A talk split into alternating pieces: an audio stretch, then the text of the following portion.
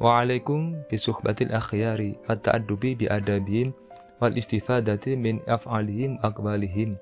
وبزيارة الأحياء والأموات منهم مع تعظيم البالغ لهم وحسن الظن الصادق فيهم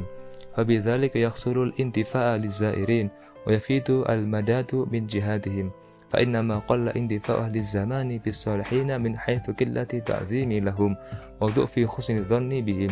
فحرموا بسبب ذلك بركاتهم ولم يشاهدوا كرامتهم حتى توهموا أن الزمان خال عن الأولياء وهم بحمد الله كثيرون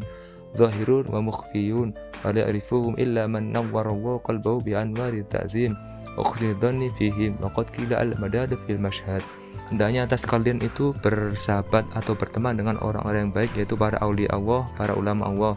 dan beradab dengan adab-adab mereka dan mengambil manfaat daripada perbuatan dan perkataan mereka dan menjara mereka baik yang masih hidup maupun yang sudah meninggal daripada mereka dengan mengagungkan yang sangat kepada mereka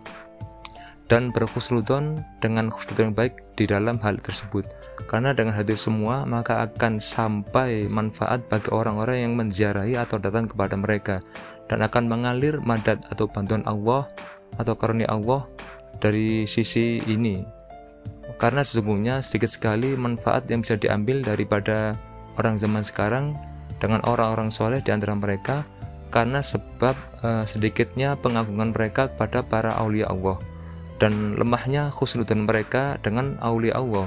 Maka diharamkan bagi mereka dengan hal tersebut yaitu tidak ada pengagungan tersebut barokah-barokah para aulia dan tidak akan menyaksikan mereka itu semua karomah-karomah aulia hingga mereka para orang zaman sekarang ini menyangka bahwasanya zaman ini sepi atau sudah tidak ada lagi daripada aulia-aulia Allah. Dan alhamdulillah sesungguhnya para aulia Allah itu masih banyak sangat banyak. Baik yang secara masyhur yaitu zahir maupun yang disembunyikan oleh Allah yaitu yang mastur. Dan tidak akan mengenal para awliya Allah baik yang masyhur maupun yang mastur kecuali orang yang telah Allah terangkan hatinya atau diberi cahaya dengan cahaya-cahaya pengagungan dan khusnudon kepada para awliya Allah. Dan dikatakan al-madad yaitu naungan atau anugerah Allah bil masyhad yaitu dalam penyaksian. Wa alam bisawab